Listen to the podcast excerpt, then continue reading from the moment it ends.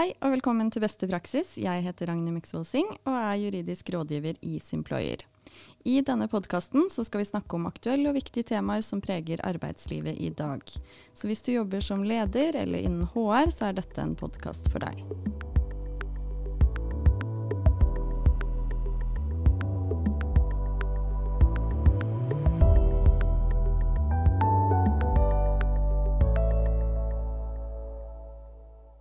Og i dag så har jeg med meg Karoline Dystebakken. Velkommen til deg, Karoline. Takk for det. Du er også juridisk rådgiver her i Simployer. Stemmer. Ja. Og du jobber mye med mm, sykefravær og sykefraværsoppfølging. Ja, det er på en måte det det primært blir. Ja. ja. Mm. Og det er tema for eh, dagens episode. Vi skal snakke om oppfølging av sykefravær. Og vi skal både se på hvilke plikter leder har, men også hvilke plikter arbeidstakere har i et sykefravær. Absolutt. Det blir mm. spennende. Mm. Ja.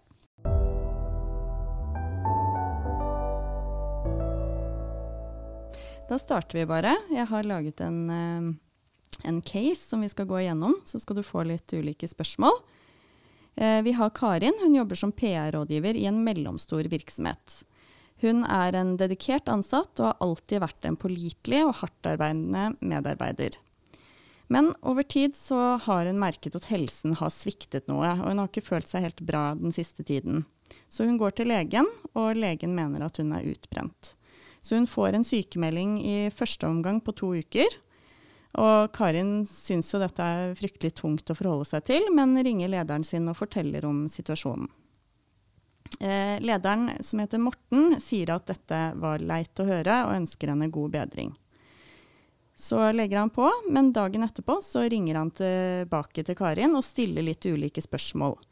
Han lurer på om sykemeldingen har noe sammenheng med jobben, eh, hvordan syk hun er, om hun føler at hun klarer å utføre noen type oppgaver, og hvor lenge hun tror hun vil være borte. Eh, Karin svarer på disse spørsmålene, men hun syns det er ubehagelig eh, å få alle disse spørsmålene nå. Hun er ganske sliten og har lyst til å hvile, egentlig, og ikke forholde seg til jobb i det hele tatt. Så det første jeg lurer på, Karoline, det er har Morten egentlig lov til å stille disse spørsmålene til en som er sykemeldt? Og hva syns du om at han ringer så raskt etter at hun har fått denne sykemeldingen? Er det ikke lurt å gi henne noen dager først? Hva, hva syns du om dette? Jeg tenker jo det er veldig bra at man er kjapp på. Eh, og regelverket har også en forutsetning om at man skal være rask på. Men det kommer ofte, dessverre, litt overraskende på den syke medarbeideren. Eh, og det handler egentlig veldig mye om at vi snakker ikke så mye om det her, eh, dessverre, når vi ikke er syke. Og så var det jo flere spørsmål da, eh, som ble stilt. Eh, og en av de er liksom 'hvordan syk er du?' ikke sant? Og, og, det er nok veldig på grensa til å begynne å spørre om diagnose. Mm. Noe man ikke har noe med som leder. det er heller ikke informasjon man trenger. Men jeg tenker det viktigste som jeg egentlig aldri kan få gjenta ofte nok, da, som er ganske vanskelig å forstå, det er at det er egentlig bare diagnose vi ikke skal spørre om. Alt annet kan leder spørre om, og skal egentlig leder spørre om. Eh, og det handler egentlig om å få avklart ikke sant? hva er egentlig situasjonen. Eh, så f.eks. dette spørsmålet med at eh, om det er arbeidsrelatert, er et utrolig viktig spørsmål. Men da må man som medarbeider også vite litt hva som ligger i det. Eh, betyr det f.eks. at jeg må kunne liksom skrive to streker under svaret, da, for at jeg vet at det er jobben som er utløsende faktor? Eh, men det er ikke det som er kravet. Det er liksom helt eller delvis arbeidsrelatert at jeg, at jeg tror da, eh, personlig at det kan det være. Og så kan det være noe på hjemmebanen som på en måte har bikka det over, eh, som har gjort at man liksom ble utbrent. Eh, men det er på en måte ikke avgjørende. Det er viktig. Og grunnen er jo at eh, som arbeidsgiver så har du plikt til å forebygge at folk blir syke av jobben. og igjen så handler det om at selv om ikke jobben på en måte er 100% årsak i fraværet, så skal man forebygge det og jobbe med det. Og selv om fraværet oppstår, så får man en særlig plikt til å eh, jobbe for at det ikke skal skje med andre, men også for å unngå at dette fraværet blir lengre enn nødvendig. Eh, og det handler nettopp om å få informasjon som man da må spørre om. Eh, og hvor tidlig? Jo, eh, allerede den første dagen hvor eh, Karin eh, ringer, så kan man ta denne praten. Men igjen så forutsetter det at man er forberedt på det som medarbeider. Eh, hvis ikke så vil det oppleves veldig sjokkerende, eh, og man vil fort kunne oppstå Eller sånn, man kan risikere da, at det blir mer en sånn der konflikt eh, ved at rullegardina dras litt ned. Det her vil jeg ikke være med på, dette var ubehagelig, da. Mm. Sånn som Karin føler det. Men kan han også spørre om dette med hvor lenge hun tror hun vil være borte? For sånn umiddelbart så tenker jeg at det i hvert fall er nyttig for ledere å vite for å kunne planlegge eh, oppgavene fremover, og hvem som eventuelt skal gjøre hennes oppgaver. Mm, absolutt. Eh, det er veldig viktig. Og det er kanskje det første spørsmålet den dagen vi ringer. Eh, og veldig mange virksomheter, jeg vil påstå 99% av alle jeg har snakka med, har i rutina si at vi skal ringe første fraværsdag. Enten ved egenmelding eller ved sykemelding. Og hvorfor det, det er det nok færre som har tenkt så mye på. Men, men poenget er jo raskt å komme i dialog, og raskt få nødvendig informasjon. Særlig med varighet på fraværet. For også varighet på fraværet, eller antatt varighet, kan si oss ganske mye. Er det alvorlig, eller hva er det som gjør at man blir borte lenge fra jobben? Mm. Uh, og jeg har lyst til å nevne også det her med egenmelding når vi først snakker om det. For det er sånn fort gjort å tenke at ja, men egenmelding så er det tre dager. Men det er jo ikke nødvendigvis sånn. Uh, så det er viktig å få avklart varigheten av fraværet så tidlig som mulig, at man kan si noe om det.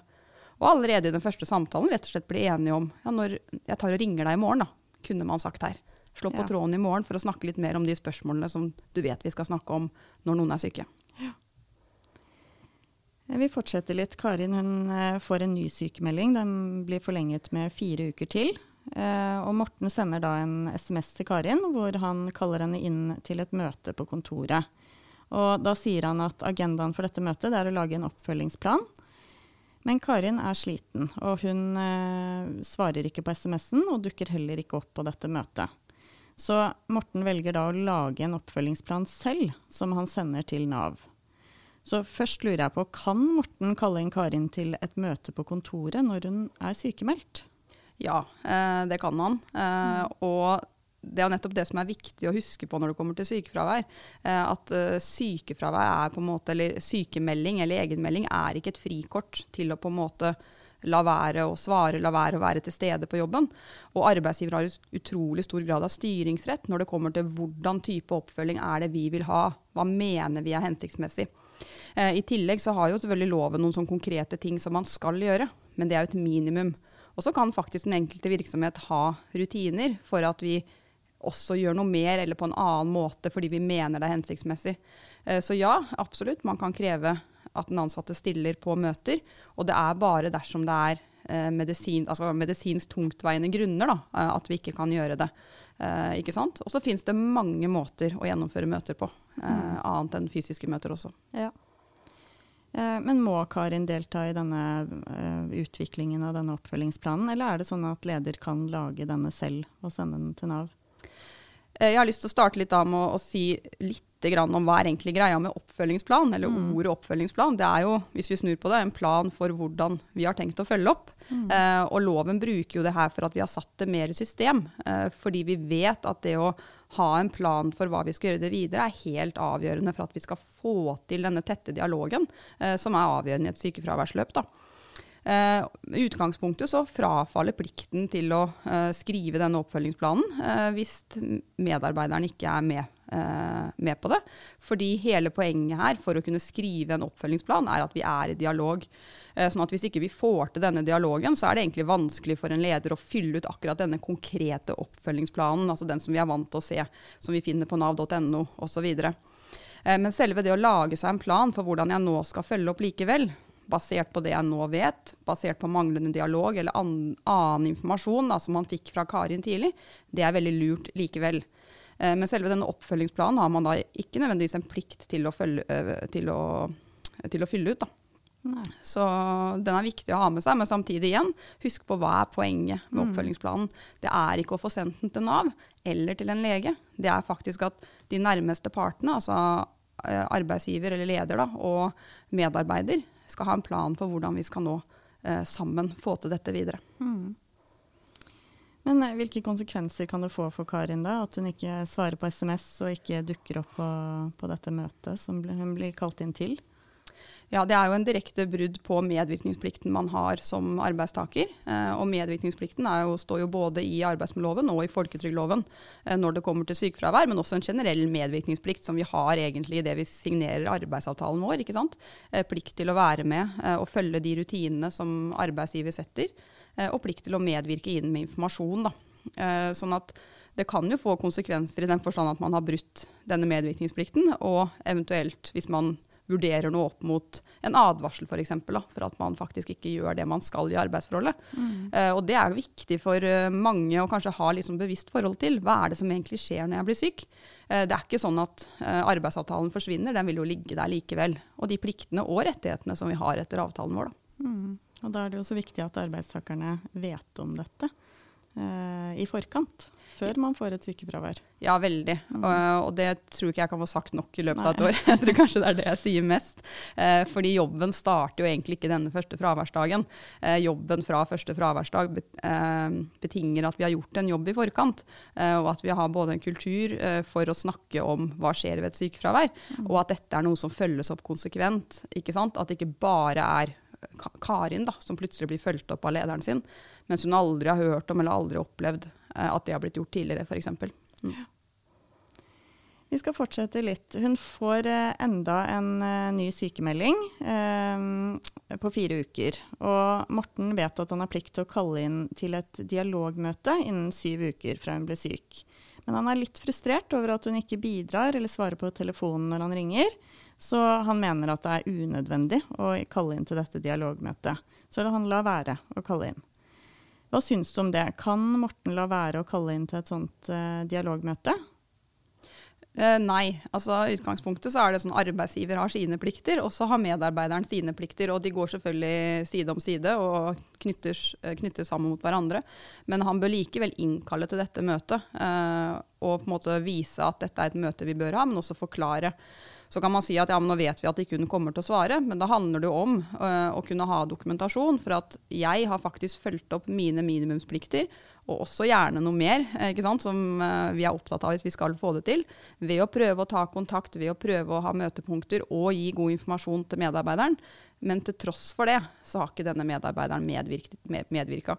Uh, og det vil jo få, uh, vil kunne ha betydning, ikke sant? i hvert fall senere, uh, vi, hvis man begynner å tenke at dette fraværet blir langvarig osv. Uh, på rett og slett vise er det vilje eller evnen til Karin det står på da, for at man ikke følger opp. Så innkall til dialogmøte, og fortsett den planen man har i tråd med rutinene sine, selv om man opplever å ikke få svar.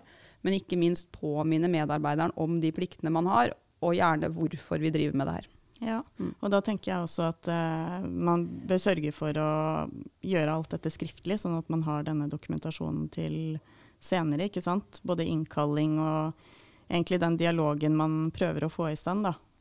Absolutt, mm. og, og, det er jo det loven også stiller et krav om. Den stiller ja. jo eh, egentlig krav om en sykefraværsoppfølgingsprosess eller tilretteleggingsprosess. Dette er jo to to sider av samme sak. Eh, og vi må dokumentere det vi gjør. Dokumentere at vi har fulgt opp eh, mm. som, eh, som, arbeidsgivere på hvordan dette skal gjøres. Og jeg, dessverre så ser jeg altfor ofte da, at veldig mange ledere glemmer å dokumentere det de gjør som ikke fører fram.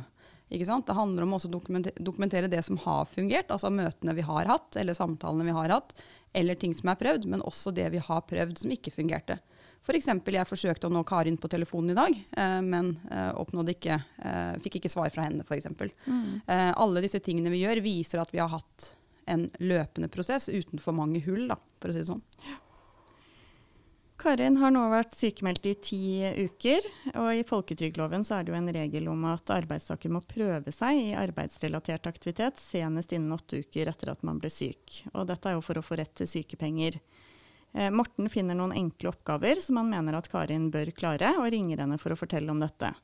Men eh, Karin tar da telefonen og sier at eh, det er helt uaktuelt for henne å jobbe nå. Betyr det da at hvis hun ikke jobber, så vil ikke hun få noe sykepenger etter åtte uker? Eller er det noe unntak fra denne plikten? Hvordan er reglene på dette? Utgangspunktet er at vi skal være i arbeidsrelatert aktivitet. Uh, og arbeidsrelatert aktivitet er et veldig rart ord, men det betyr jo egentlig en eller annen form for aktivitet. Uh, og så finnes det unntak, men det skal mye til. Terskelen er ment å være høy, uh, og det er såkalt tungtveiende medisinske årsaker som gjør at vi ikke får til å være arbeidsrelatert aktivitet, eh, som da gjør at eh, denne vurderingen da, om sykepenger skal stanses, ikke vil bli gjort av Nav.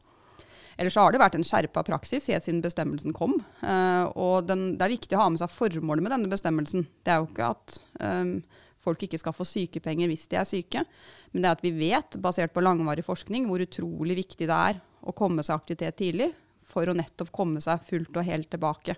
Eh, eller for å få avklart at eh, det er en annen form for aktivitet enn det jeg gjorde før jeg ble syk, som jeg nå må gjøre. Da. Så det handler jo om det, at vi vet at det å være i jobb er i seg selv, skal være, da, og er, hvis man har det bra på jobb, eh, helsefremmende, rett og slett. Mm. Men hvem er det som vurderer eller beslutter at uh, man ikke trenger å være Altså dette unntaket, at, man, at det er nødvendige grunner for å ikke prøve seg i, i jobb? Eh, det er det Nav som gjør. Eh, okay. Fordi når vi er ved åtte uker, så er det jo Nav som er ansvarlig for eh, å betale ut sykepenger. Det er jo bare de første, dagen, første 16 dagene arbeidsgiver er pliktig. Så etter det så er det Nav som gjør akkurat disse vurderingene rundt sykepenger. Mm. Men det er klart at den informasjonen man får fra leder her, da, eller fra arbeidsgiver, vil jo være en viktig del av vurderingen. Sånn at, men det er Nav som gjør det. Og i hvilken grad de gjør det og hvor strengt det gjøres, det vil jo på å si dessverre variere litt, da, eh, om det fanges opp osv.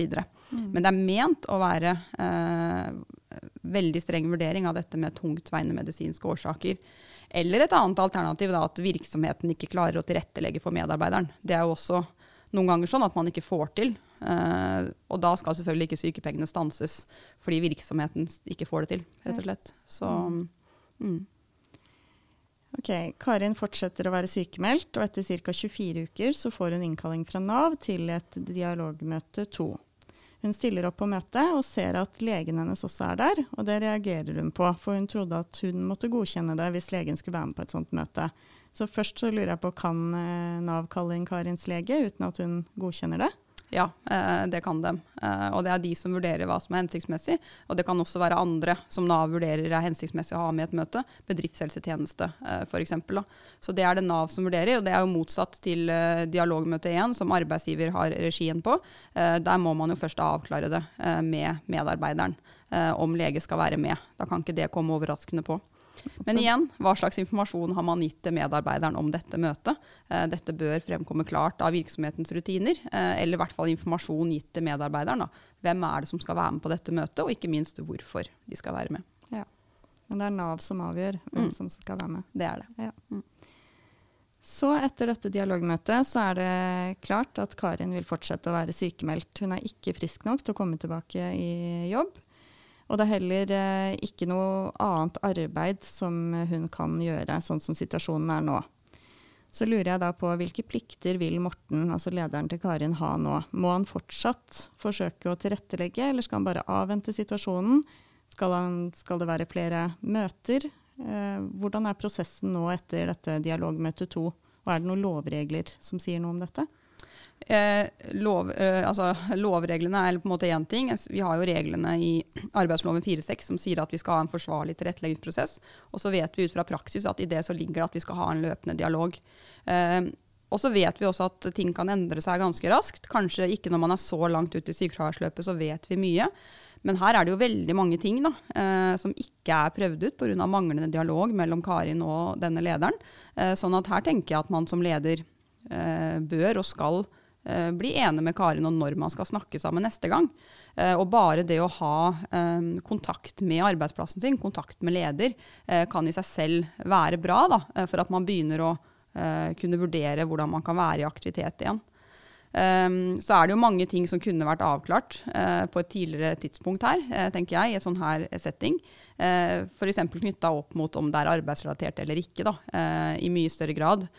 Karin svarer jo riktignok på disse spørsmålene som hun får tidlig, men spørsmålet er igjen hvordan tok man tak i det, da. har man på det her tidspunktet f.eks. fått avklart at dette er arbeidsrelatert. Kan det ha noe med denne lederen å gjøre? Er det derfor hun ikke ønsker å være i kontakt med han, eller osv.? Så, videre, så det er viktige ting å fortsatt avklare. Uh, og arbeidsforholdet, uh, det er det uh, arbeidsgiver og arbeidstaker som er part i. Nav har ingenting med arbeidsforholdet vårt å gjøre. Og det er så viktig å ha med seg. At selv om Nav sier at vi vurderer at eh, greit, eh, det er ikke mulig å gjøre noe akkurat nå, og legen som har vært inne sier det, eh, så er det fortsatt arbeidsgiver som har styringsretten i arbeidsforholdet. Mm. Så man skal fortsette å gjøre en jobb også etter dette halvåret? Absolutt. Ja. Mm. Helt til slutt, Karoline. Har du eh, et godt råd til ledere for hvordan man best mulig kan jobbe med oppfølging av sykemeldte arbeidstakere? Ja, eh, det er vanskelig å komme med ett råd, eh, men vær tidlig på. Eh, man kan gjerne kalle det for hvert fall tre T-er, altså tidligere, tettere og tydeligere. Vær tidlig på når sykefravær oppstår, men ikke minst må vi være tydelige overfor medarbeiderne våre. Hva er det som egentlig gjelder? Men hvorfor er det vi driver med det her?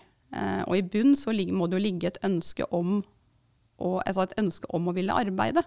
Eh, sånn at eh, hvis man vet eller har grunn til å tro at en medarbeider som har blitt syk, kanskje ikke har så lyst til å jobbe, ikke sant? det mangler på, på viljen eh, mer enn evnen, så må vi også avklare det selv om det har dukket opp en sykemelding. Hvis ikke så begynner vi å jobbe med feil ting, rett og slett. Så sett fokus på sykefraværsoppfølging og hvorfor vi driver med det, mer enn bare sykefraværsstatistikk, gjennom året i virksomheten. Diskuter dilemmaer og diskuter som leder også hva du syns er særlig vanskelig med sykefraværsoppfølging. Fortell medarbeiderne dine at disse spørsmålene syns også jeg er vanskelig å stille. Så kan vi ikke sammen bli enige om hvordan er det vi på en måte skal få til dette best mulig, og hva som er målet. Og Hvis du som medarbeider tenker at dette er en virksomhet jeg egentlig ikke har lyst til å jobbe i, eller en stilling jeg ikke orker å forholde meg til, eh, så er det viktig at man også får avklart det her eh, gjennom sykefraværsoppfølgingen. For det er ingen som er tjent med å drive sykefraværsoppfølging eh, hvis man egentlig ikke har lyst til å komme tilbake i jobben. Så bra. Takk for eh, gode råd og innspill, og takk for at du ville være med, Karoline. Eh, og du skal faktisk være med i neste episode også, for da skal vi fortsette litt eh, med sykefraværsoppfølging. Men da skal vi snakke om sykefraværsoppfølging etter dette første året hvor man har vært sykemeldt. Så velkommen tilbake i neste episode. Men takk for nå. Takk for nå. Takk for at vi kom.